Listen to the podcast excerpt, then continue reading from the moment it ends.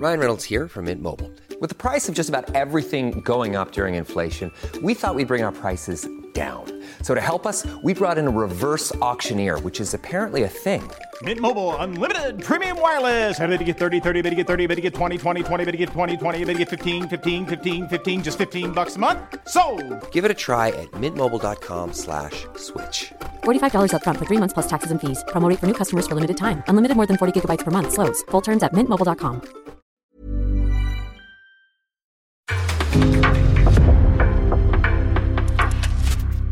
En podcast från Aftonbladet.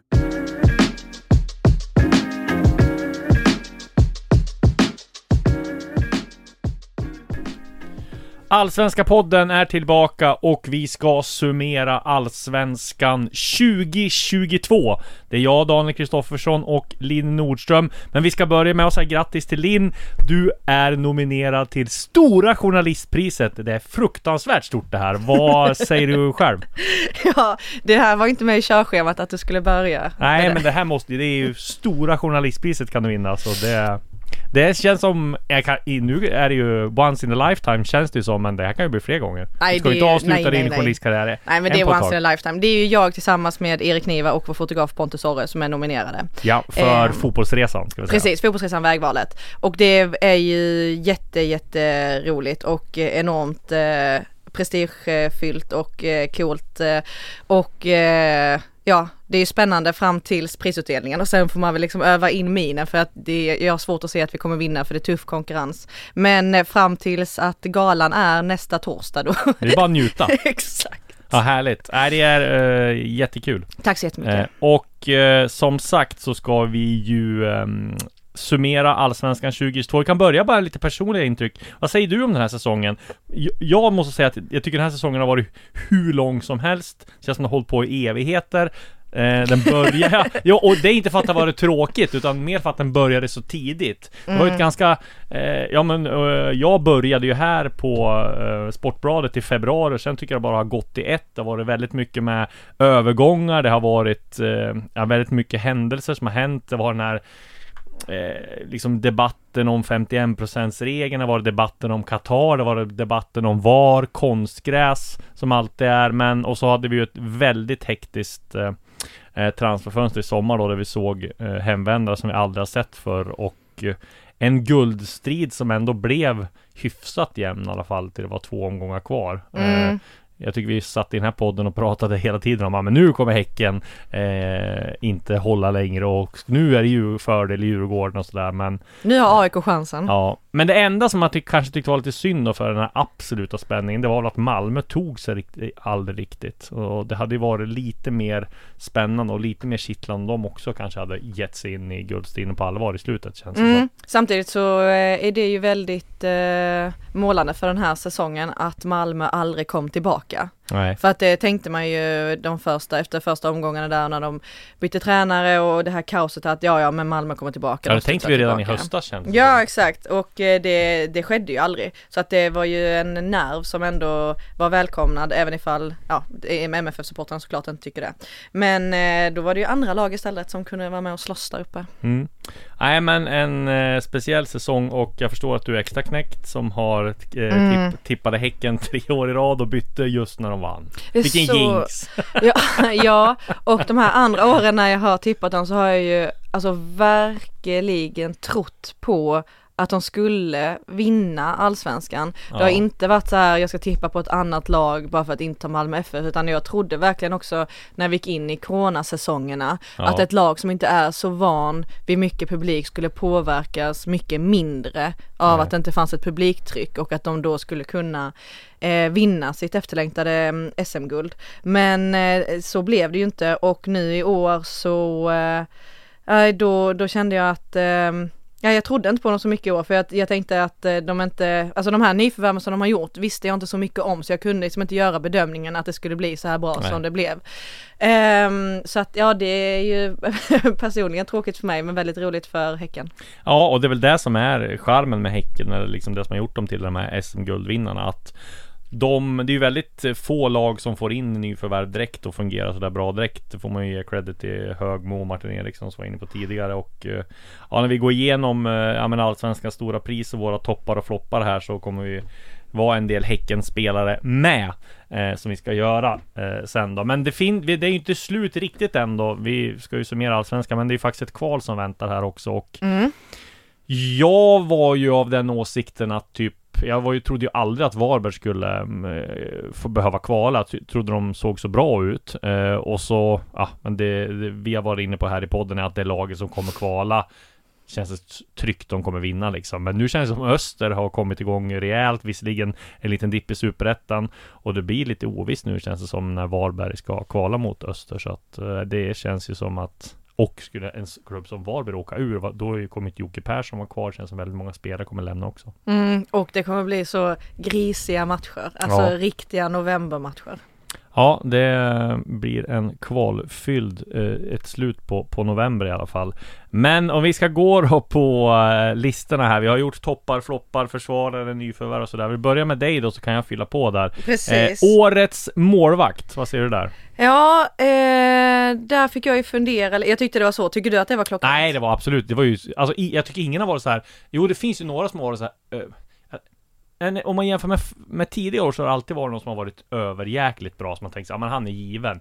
Nu är det mer att det finns, må, vissa har ju, eller alltså de flesta har väl gjort en del tavlor också, inte varit så här superstabila, men de har ju varit Liksom, ja men till exempel en som um, eh, Warner Han har gjort det väldigt bra men har gjort en del dåliga matcher. Samma sak med uh, Friedrich i, i Kalmar som var ganska svajig i början och sådär. Så att Och Djurgården Eh, har ju haft två målvakter som de Ja, har bytt precis. Så att eh, det är ett svårt val. Vad föll ditt val på? Mitt följer på eh, Peter Abrahamsson. Ja, Eh, och jag tycker att eh, han var ju, jag tror han var ju borta några matcher där eh, efter sommaren va. Mm. Men jag tycker ändå att eh, att han är stabil, att han tillför jättemycket till, eh, till Häcken över hela planen. Det är ju som att han, han styr ju liksom och har den erfarenheten och den auktoriteten över sina lagkamrater som krävs. Eh, och att han, eh, jag menar att han, precis så som Högmo, alltså verkligen fick in i Häcken att vi är ett lag som kan vinna guld. Alltså vi ska inte bara slåss om ett guld utan vi Nej. kan vinna guld och vi ska göra det.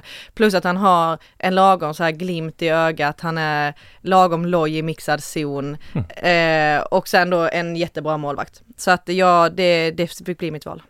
Ja precis. Eh, och har, ju fått en del svåra matcher också när Häcken har varit ganska spelförande och haft i, ibland har han inte haft sådär mycket att göra men då har det kommit ett skott där också. Sådana matcher är väldigt svåra för målvakter. Så att eh, det köper jag. Jag hade Ja, nog... och att Häcken är ju inte heller eh, Alltså Högmo är ju mycket framåt framåt. Så att Ja. det är inte, alltså hade han haft eh, en, ett lag framför sig som var mer fokuserade på, på det defensiva så hade det varit lättare för honom också. Så är det ju. Jag hade nog tagit eh, Ricardo Friedrich i, i, i Kalmar ändå. Eh, han håller 14 nollor tror jag mest av alla. Eh, han, eh, som, som jag så, sa så gjorde han ju en del tavlor i början men sen kom han igång och att de kommer femma gör han en väldigt stor del av så att jag hade nog valt Friedrich men det känns ju som det är hugget Det är liksom hugget som stucket mellan, de, mellan de två eh, Widell Zetterström och Warner Han kanske. Mm. Känns det som att det är de fyra som har stuckit ut mest. Mm. Absolut, men ehm, eh, vem var det som fick det på galan? Galan Det var... var- det ett Allsvenska stora pris fick ju eh, Friedrich. Ja. Sen vet jag inte vem som fick det. Eh, jo, precis så var det. Mm. Eh, om vi går vidare då, vilken är din årets försvarare? Ja, då...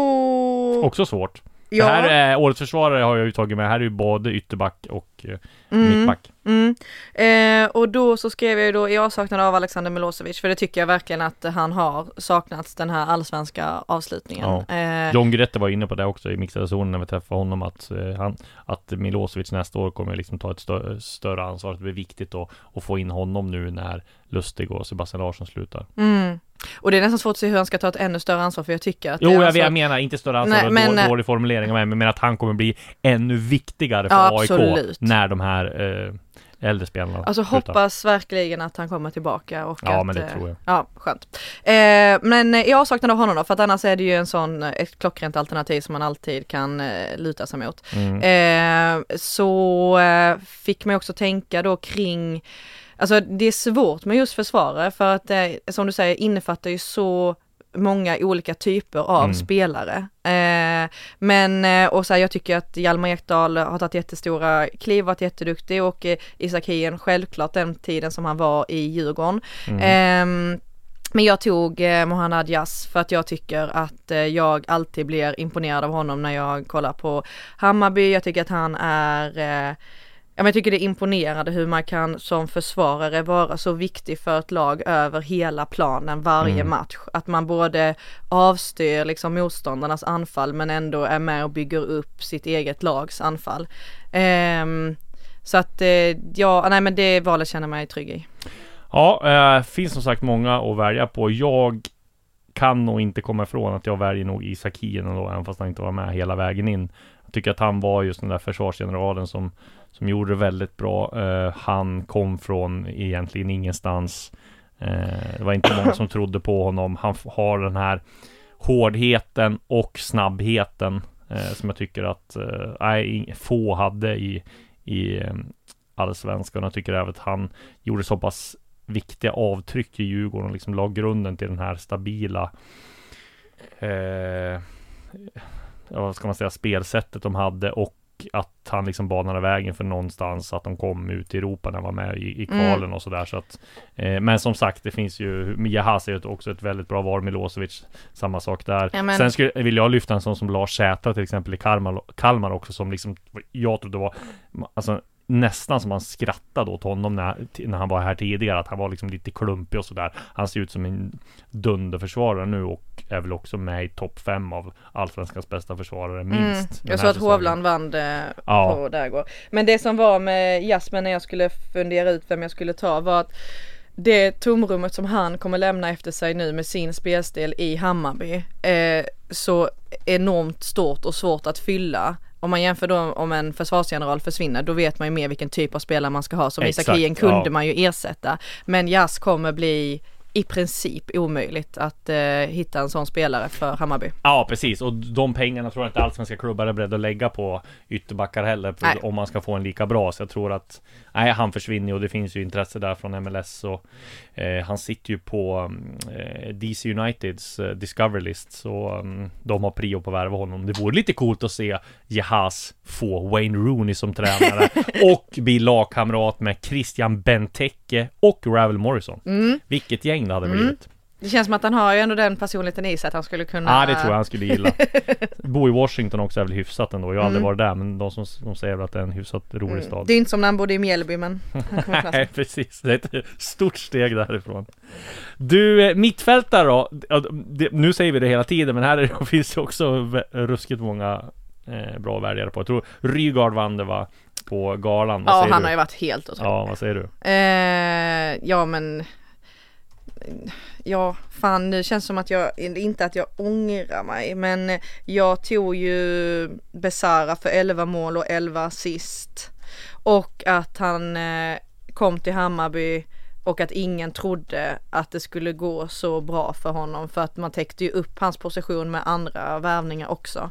Så att eh, om man jämför med hur mycket han kostade för Hammarby och hur mycket han har gett laget och hur eh, alltså viktig han har varit så så tar jag honom. Mm.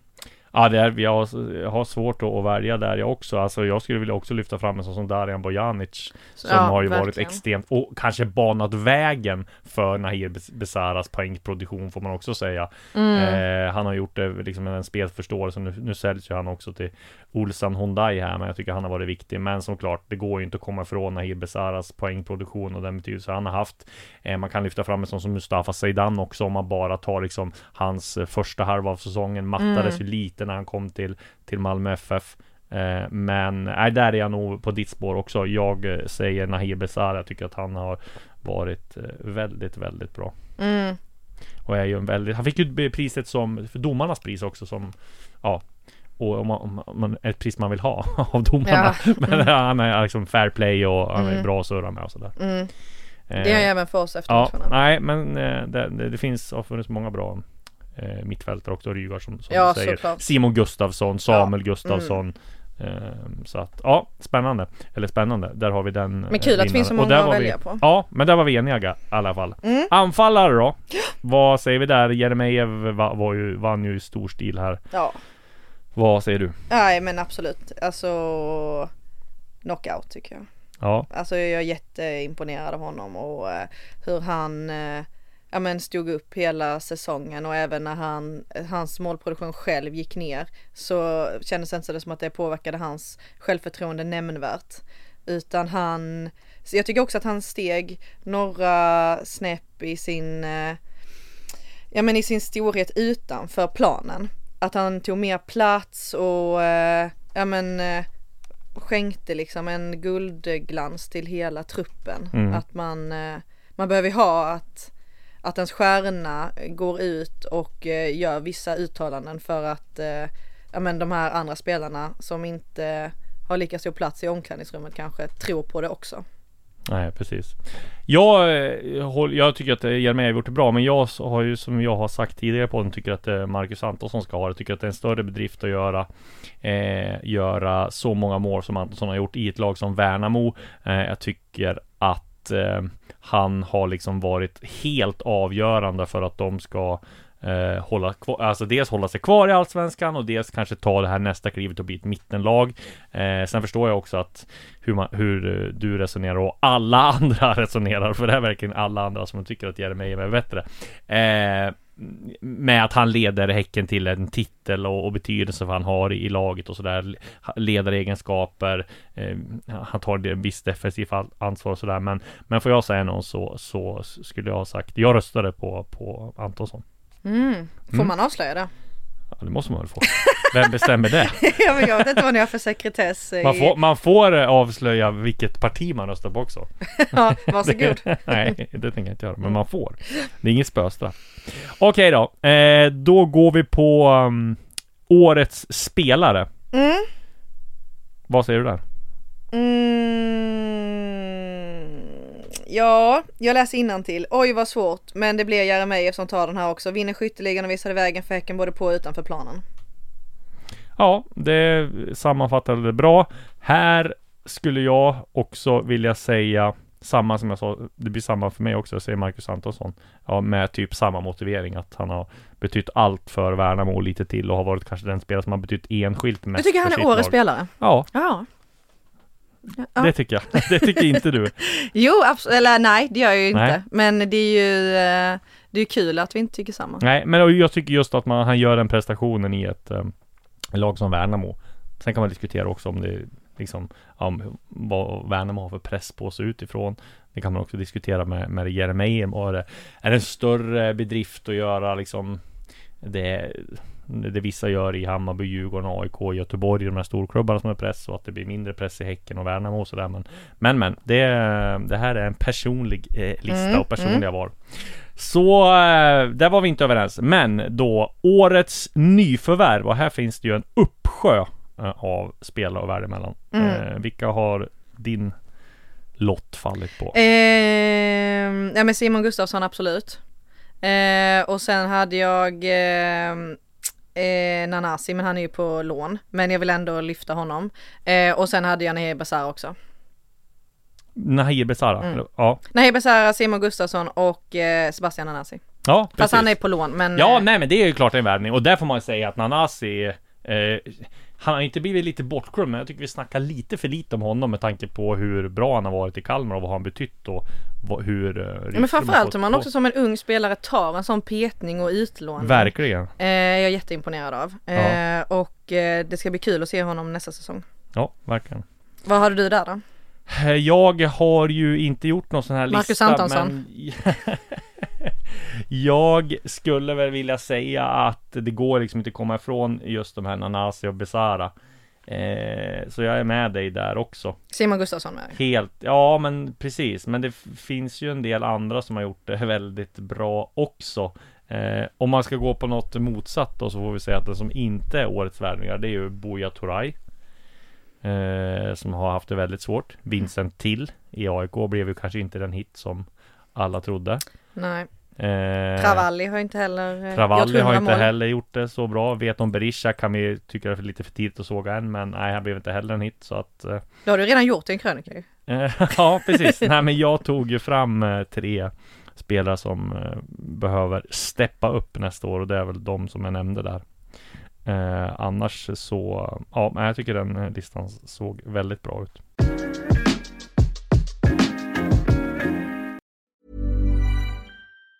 Say hello to a new era of mental health care. Cerebral is here to help you achieve your mental wellness goals with professional therapy and medication management support. 100% online. You'll experience the all new Cerebral Way, an innovative approach to mental wellness designed around you. You'll get a personalized treatment plan from a therapist, prescriber, or both in a safe and judgment free space. Your cerebral therapist or prescriber will outline a customized plan with clear milestones along the way so you can get to feeling your best. With Cerebral, you're not alone in your mental health journey. We're here to empower you to live a fulfilling life. So take that first step towards a brighter future and sign up today at cerebral.com slash podcast and use code ACAST to get 15% off your first month. Offer only valid on monthly plans. Other exclusions may apply. Offer ends July 31st, 2024. See site for details.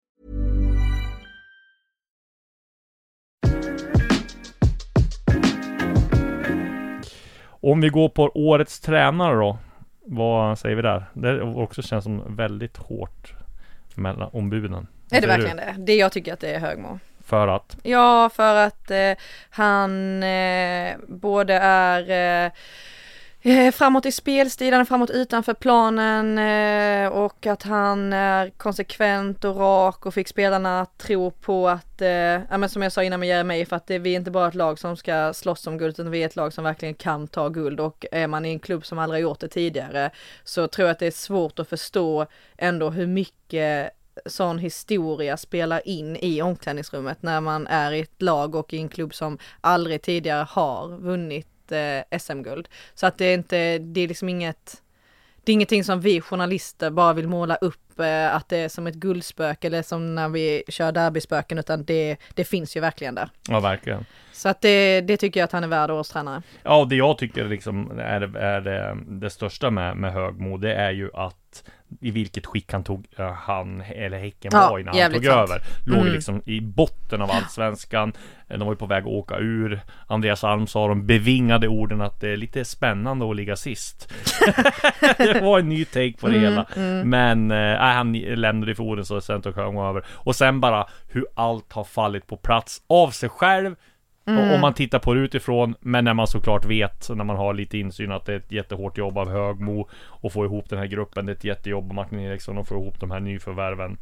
Ja och med Högmo att han inte är ju en, eh, jag menar en Glenn eh, Riddersholm. Nej, alltså precis. han är ju Motsatsen. Ja, exakt och det är det som, som, men ändå liksom en, en man som inte drar sig för orden, men som inte behöver att folk eh, ska gå in och filma honom på en träning när han skriker på spelarna eller han behöver inte ja, men, slå sig för bröstet liksom och visa sin auktoritet utan han har klarat det där ändå. Och det, det tycker jag är coolt.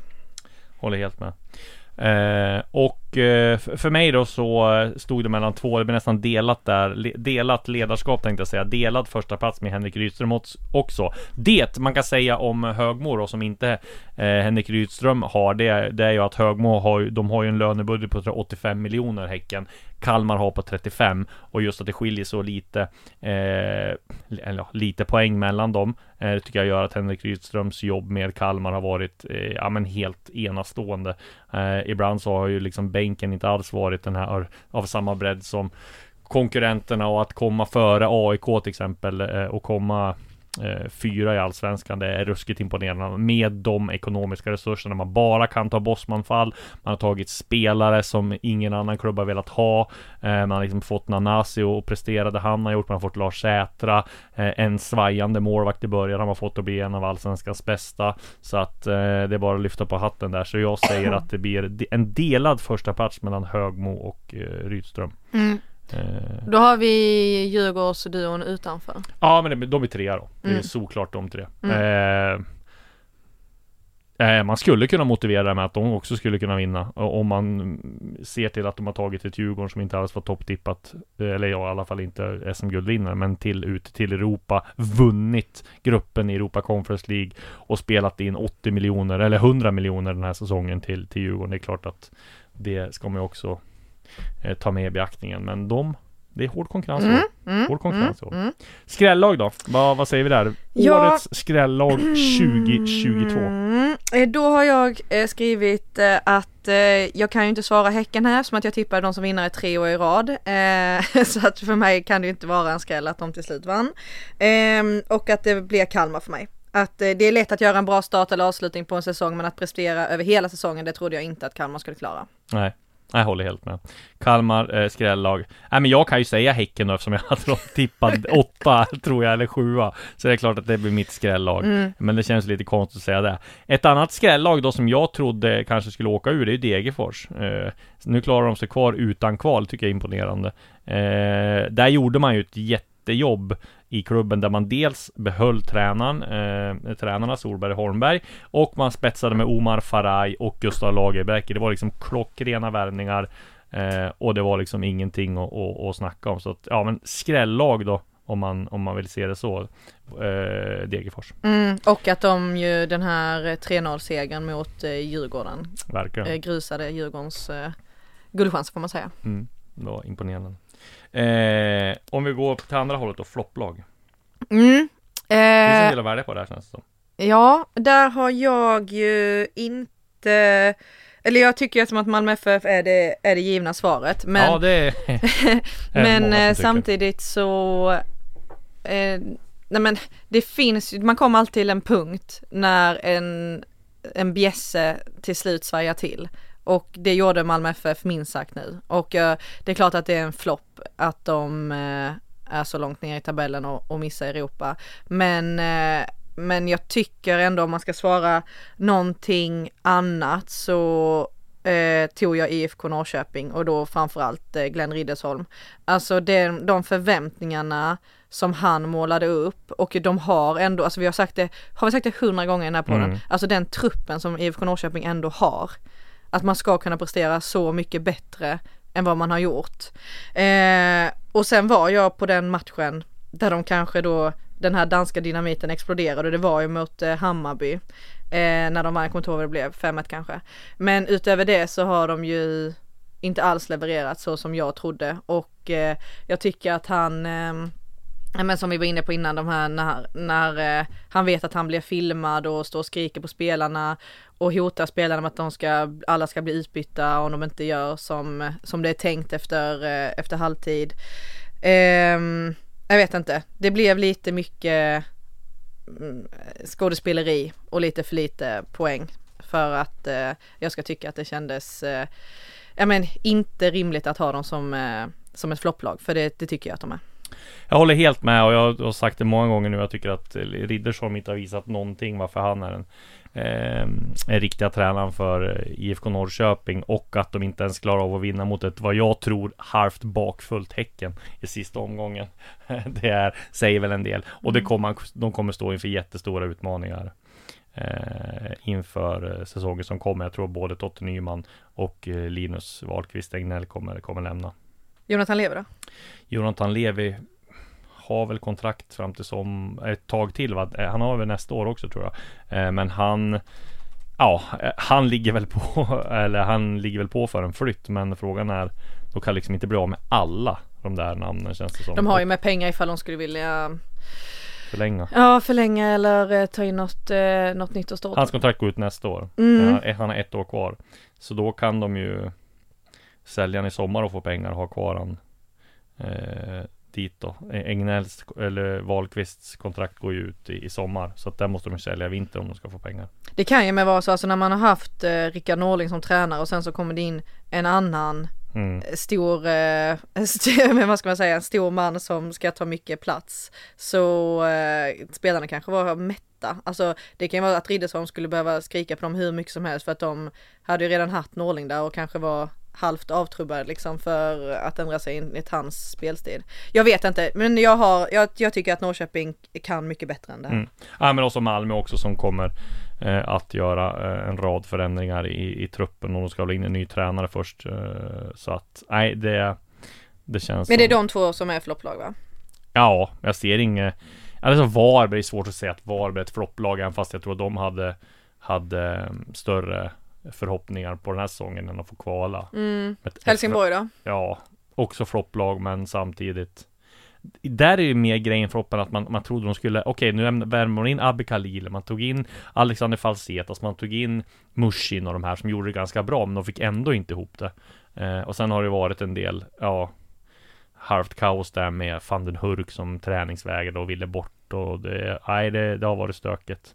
Ehm, och jag trodde att Helsingborg skulle göra mycket, mycket bättre. Kanske lite hårt att kalla dem flopplag, fast samtidigt om man jämför resurserna de har haft och liksom den de spelarna man tycker de har tagit in om man jämför med till exempel GIF Sundsvall som inte har den ekonomin så får man säga att ja, liten flopp då. Men Mm. de tre var är väl. Sirius också skulle man kunna säga lite av hårt att kalla dem flopp Mm. när de håller sig kvar. Men jag tror ändå de hade hoppats på mer än att de var ju faktiskt indragna i bottenstriden ända in i slutet Mm. nästan.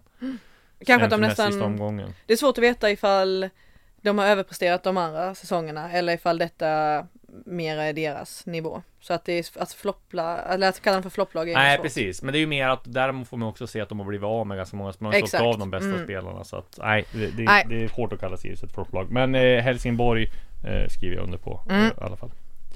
Vi går vidare och då har vi nästa kategori eh, som är Våra personliga reflektioner.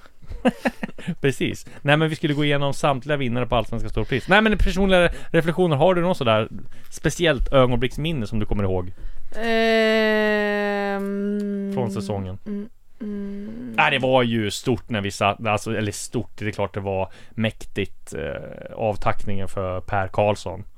Eh, Ja. Här senast. Och eh, är det är sällan man ser sådär. Vi kan väl begrava myten en gång för alla nu att i Sverige är vi väldigt dåliga på att, hylla våra hjältar. Mm. I alla fall gäller det inte allsvenska klubbar i alla fall. Där har de varit väldigt bra på slutet och Ja, det är nog det mäktigaste, tillsammans med Marcus Rosenbergs avtackning får man säga att det är det mäktigaste som jag kan komma på i alla fall. Vad säger du? Kommer du på Mm. någon mer? Något nej, avsked det, som har varit nej mäktigare? och inte heller någon där det har varit, eh, där det har byggts upp så länge Nej. och där han inte hade spelat en match på så länge så att det Nej. blev ju väldigt, eh, väldigt, väldigt speciellt och att eh, den höll på, alltså i, en timme. Alltså Ja, den vill alltså, ju aldrig ta För, slut. för hans egen del hade ju han, han bara, ja, det är nästan, det är dumt att säga det här sa han liksom ödmjukt i mixade zonen Men jag är nästan glad att det är över för det hade byggts upp under så lång tid Hela veckan hade han liksom gått, hade Pertan gått och, och, och, och, gråtit liksom och varit eh, nostalgisk och sådär. Så han sa det, jag grinar väldigt mycket nu i, veckan här. Och det var inte bara nu under avtackningen utan det var även eller under hyllningen utan det var även eh, före liksom när han pratade med folk och sådär. Men höll ju på att bli riktigt haveri när han inte hade någon mikrofon. Nej, det var, var starkt av John Guidetti och Ja, eh, springa och fixa micken.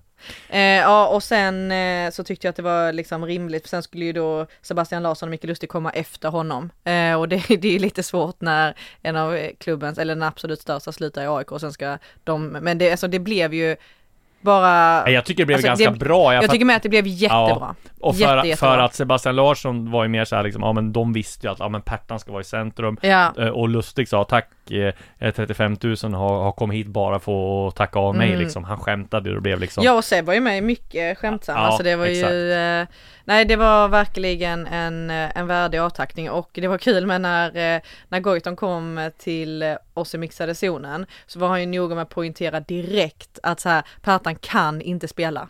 Alltså Nej, för att publiken skanderade liksom.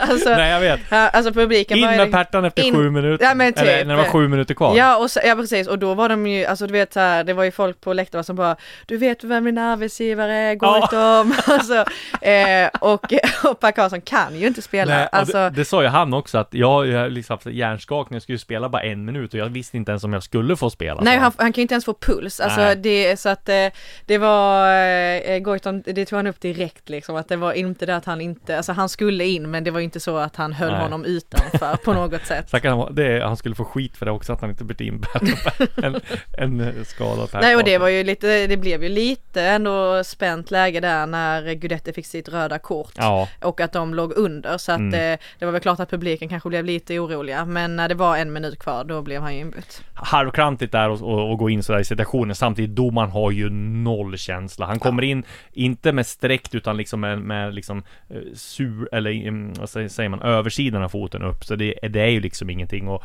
De berättade ju i mixade zonen där att de hade ju frågat så här: okej eh, Nu kan du väl, till den här spelaren som, som la sig ner då, nu kan du väl erkänna att du inte träffade den Nej du träffade aldrig mig, hade han erkänt efteråt liksom. Det Så var att- Väisänen va? Ja, Mm. eh, så att, Nej men jag tror att eh, Nej det är klart att det var eh, inte jättebra känsla från domaren. Sen så ska ju inte Gudetti gå in. Alltså han fick ju ett gult kort i första halvlek tidigt. Eh, och har man med sig det och sen kommer med foten så högt i en sån situation. Även ifall han hinner vika ner den så är det ändå farligt spel för att få ett gult till. Exakt, exakt Men han var ju frustrerad och det förstår jag. Ja, det förstår jag också. Men, eh, nej, riktigt mäktigt tifo, riktigt mäktigt halvtids, eh, en halvtidsbränning där med eh, eh, Pertan Inferno. Mm. Och sen så blev det ju eh, Sen ja, tycker jag det var konstigt eh, att eh, det var ju första allsvenska säsongen som då inte avgjordes i sista omgången på två år va? Förra året så kunde ju, ja nu, nu, nu ska vi tänka bakåt. Men jag tycker det är lite synd när det är Ja, avgjort det, det, innan. så är det och det, Men framförallt är det ju synd när det blir eh, som i eh, damallsvenskan, att det blir när de är i mästare i kavaj. Ja, Eh, det, som det blev i år tror jag va, Rosengård. mm, exakt. Men det var ju, Eh. det var väl eh, liksom eh, är så coolt då att Häcken blev det eh, när de mötte Göteborg. Men eh, det är ju roligare när det lever in sista omgången. Ja, så är det ju. Absolut. Men eh, ska vi eh, halvt stänga den här säsongen eller har vi något mer som vi vill Ja men har du någon fram? mer eh, personlig reflektion? Alltså när JG till slut blir presenterad eller? Ja, men det var, nej men mer att det varit roligt att jobba med massa nya eh, kollegor. Det har varit skitkul.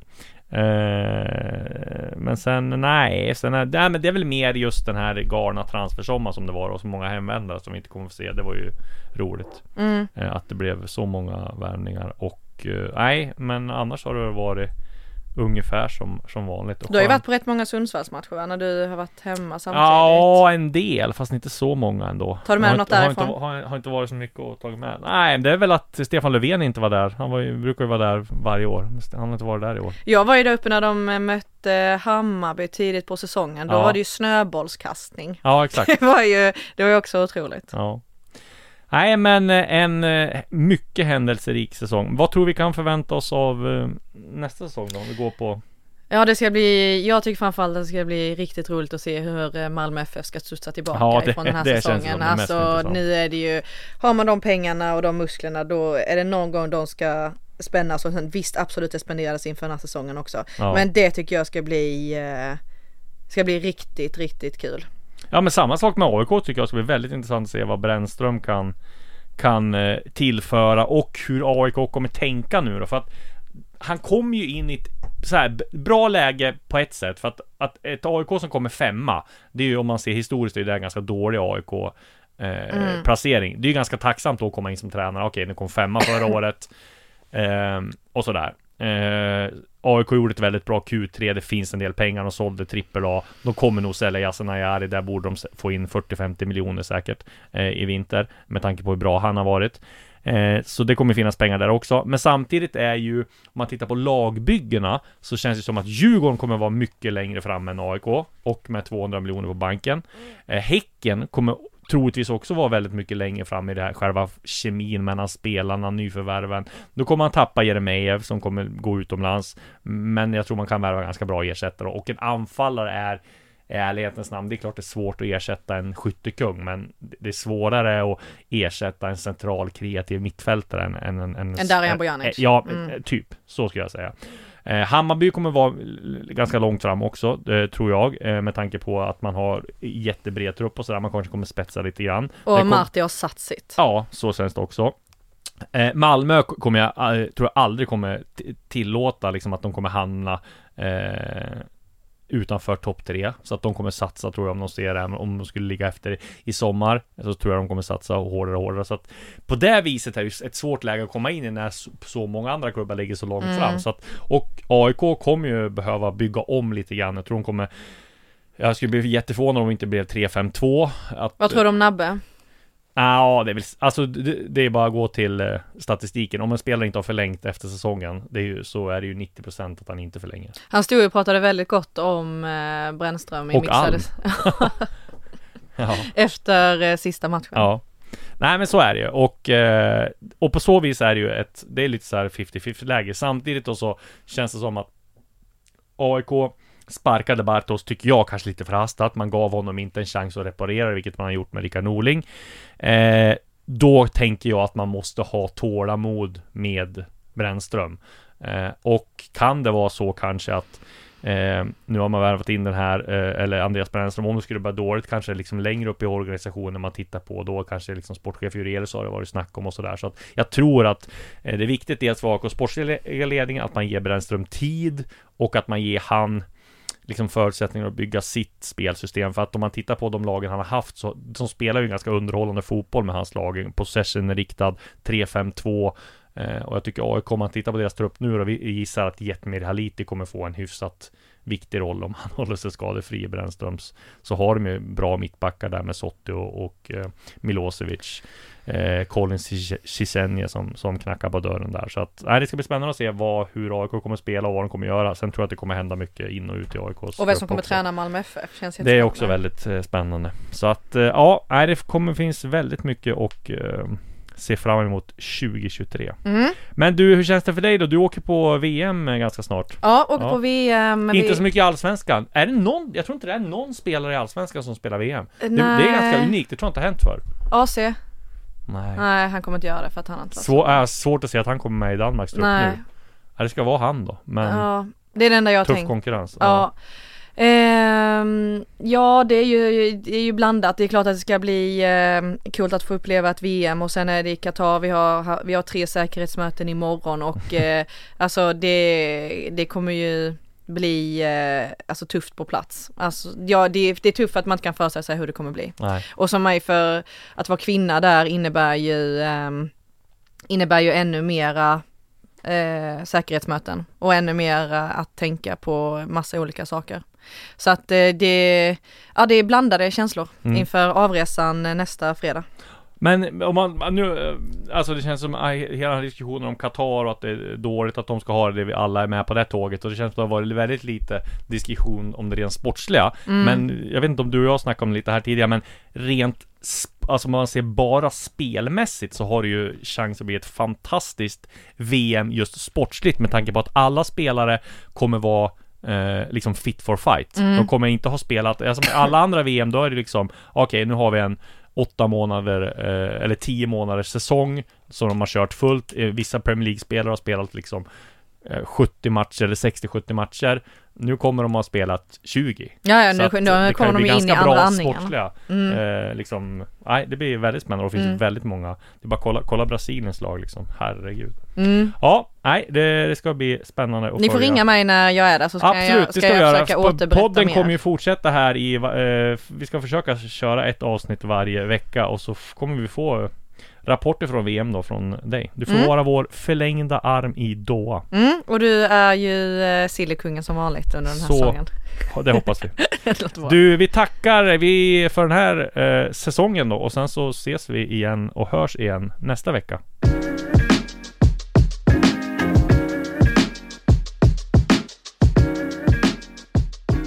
Du har lyssnat på en podcast från Aftonbladet. Ansvarig utgivare är Lena K Samuelsson.